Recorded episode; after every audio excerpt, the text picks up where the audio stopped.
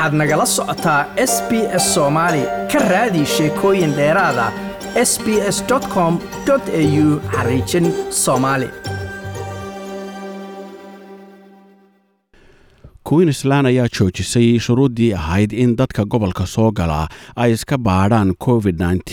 shan maalmood kadib markii ay yimaadeen. Wasiirka caafimaadka ee queensland ivet dath ayaa sheegtay in dowladdu ay joojin doonto shuruudda baadhitaanka maalinka shanaad ee dadka ka soo safray gobollada kale. Laakiin weli looga baahan yahay bay tidhi socdaalayaasha ogolaansho soo gelitaan ivet dath ayaa dadka u sheegtay in ay ogolaadaan shuruudda ogolaanshaha baadhidda laakiin aanay khasab ahayn in ay isbaadhaan ilaa ay isku arkaan calaamado Now, I do want to, and the Deputy Commissioner will talk a little bit more about this, advise people who are hadda waxaan travelling from doonayaa interstate in aan u sheego dadka ka soo socdaalaya gobollada still kale in kasta oo day ku-xigeenku arrintan waxoogaa ka sii hadli doono to that, in um, weli because looga baahan yahay way that you inay border shuruudda baadhitaanka maalinka shanaad sidaa awgeed fadlan haa dheh waayo waa sida aad ku heli karto ogolaanshaha in aad xadka ka gudubto ayay tidhi waxaa soo baxday saadaalin ah in marka ay dhacdo doorashada laba kun iyo labaiyo labaatan ee aqalka wakiilada australia uu hogaamiyaha mucaaradka ee federaalka anthony albanisi ku guulaysan doono labiyo toban kursi oo ay xisbiga liberaalku hadda haystaan uuna heli doono baa layidhi aqlabiyadda in ka badan siddeetan xildhibaanada aqalka wakiilada ah. Sidaana waxaa laga soo xigtay ra'yi iyo xog ururin ay news poll u sameeyeen warbaahinta the australian taasoo muujinaysa in ay korodhay. Fursadda ay mucaaradku xisbiga talada haya kaga qaadi karaan labiyo toban kursi oo ah in ka badan sagaalkii kursi ee hore loo sii saadaaliyey. Falanqayntii hore ee sannadkan ee saddex biloodlaha ahayd ee iyadana ay samaysay newsbolt ayaa soo jeedisay in master albanisi ka qaadi karo xisbiga isbahaysiga sagaal kursi oo ay ku jiraan labada kursi ee ay ku kala fadhiyaan peter dutton iyo ken wayat oo labadaba ka tirsan golaha wasiirada. New south wales waxaa maanta laga diiwaan geliyey lix kun iyo labiyo lixdan keys oo cusub oo covid nteen ah iyo hal dhimasho. Victoria ayaa iyadana laga diiwaan geliyey laba kun toddoba boqol iyo soddon iyo sideed keys iyo afar dhimasho ah. Queenslandna kun boqol iyo konton iyo sideed keys oo aan wax dhimasho ah laga soo sheegin halka tasmaniyana laga helay afartan iyo saddex keys oo keliya madaxweynaha soomaaliya maxamed cabdilaahi farmaajo ayaa xaqiijiyey in la laalay awoodihii ra'iisul wasaaraha taasi oo sare u sii qaadaysa khilaafka sii xumaanaya ee ka taagan waddanka soomaaliya. Madaxweyne farmaajo ayaa sheegay inuu tallaabada u qaaday si uu ra'iisul wasaaraha shaqada uga hakiyo inta la baadhayo eedeymo loo soo jeediyey oo ah in uu ra'iisul wasaaruhu si musuq maasuq ah ku qaatay dhul. Khilaafka u farmaajo iyo rooble ayaa dhaliyey xiisad socotay muddo bila ah taas oo dadka wax falanqeeya ay sheegayaan in ay dowladda ka weecin karto dagaalka ay kula jirto kooxda al-shabaab ee xiriirka la leh alqaacida. Laalista awoodda rooble ayaa ku soo beegmaysa hal maalin uun kadib markii farmaajo iyo rooble midba midka kale ku eedeeyey inuu hortaagan yahay doorashada baarlamaanka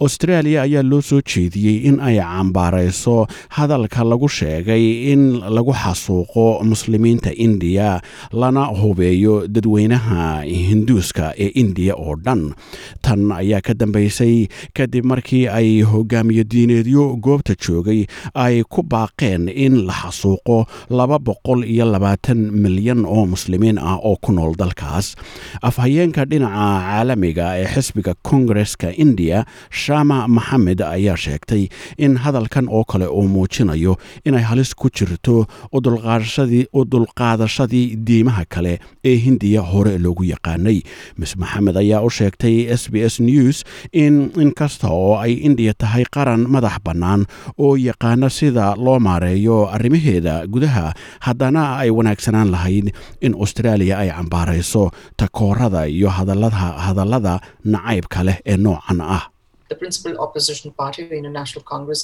is strongly, strongly. Uh, international congress oo ah xisbiga mucaaradka ee muhiimka ah ayaa si adag u cambaareeyey bulshada caalamiguna way cambaaraysay waxa ka dhacay harakwa taas ayaa barbilow wacan u noqon lahayd xaaladda ayay tidhi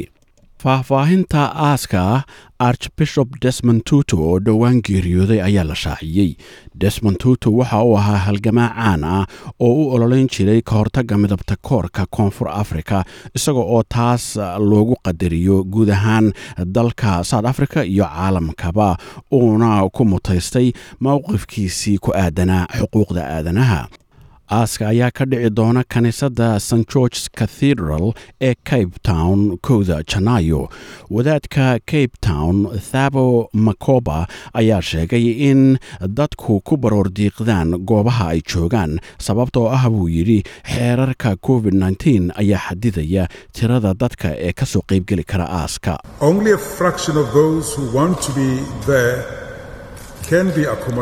Dad aad u tiro yar oo ka mid ah kuwa raba in ay yimaadaan uunbay qaadi kartaa kiniisaddu sidaa awgeed fadlan ha soo aadin cape town. Waxaannu sii qabanqaabinay kiniisadaha meelaha aad joogtaan si ay idinku adeegaan ayuu yidhi wadahadallo ayaa dib uga furmaya magaalada vienna si dib loogu soo celiyo heshiiskii nukliyerka ee burburay ee u dhexeeyey iiraan iyo maraykanka kaas oo burburay xilligii donald trump. Wadahadallada waxaa ku log leh dhammaan dhinacyadii saxeexay heshiiskii ugu horreeyey sannadkii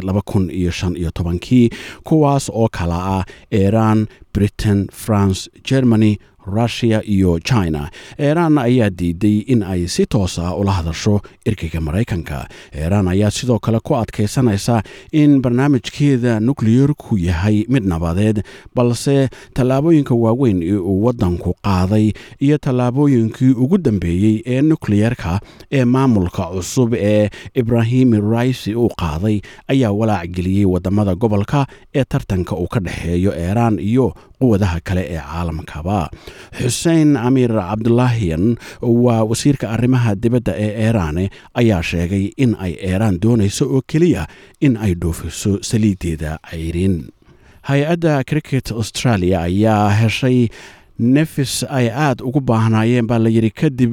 markii ay dhammaan cayaartoyda cricketka australia iyo englandba laga waayey coronavirus. Saacado uun kadib markii afar xubnood oo ka mid a kooxda england laakiin aan iyagu cayaar ahayn laga helay coronavirus ayaa cayaartoyda oo dhan loo diray in la mariyo baadhitaan arrintan ayaa walaac ku abuurtay cricket australia ku saabsan wareegyada dambe ee tartanka cricketka ashis koobka ashis aan idhahdee laakiinse waxay heleen warkii ugu wacnaa ee dhegahoodu rabeen inay maqlaan subaxii talaadada oo maanta ah kaas oo u suurto gelinaya in la bilaabo cayaartii maalinka saddexaad oo ka dhacaysa garoonka m c g ee melbourne. Australia ayaa si sahlan ugu guulaysatay saddex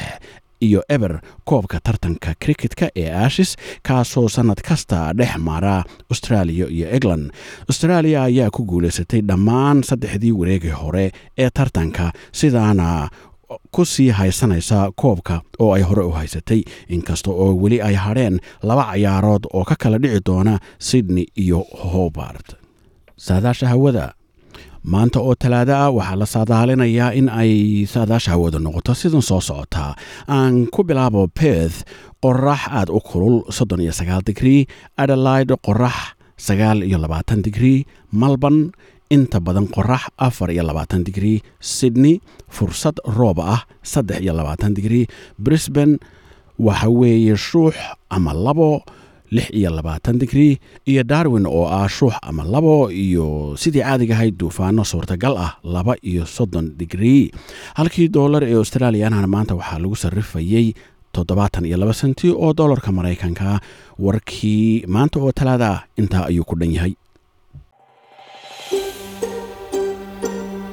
Ma doonaysaa sheekooyinkan oo kale? Ka dhegayso apple podcast google podcast spotify ama meel kasta oo aad bodkastigaaga ka hesho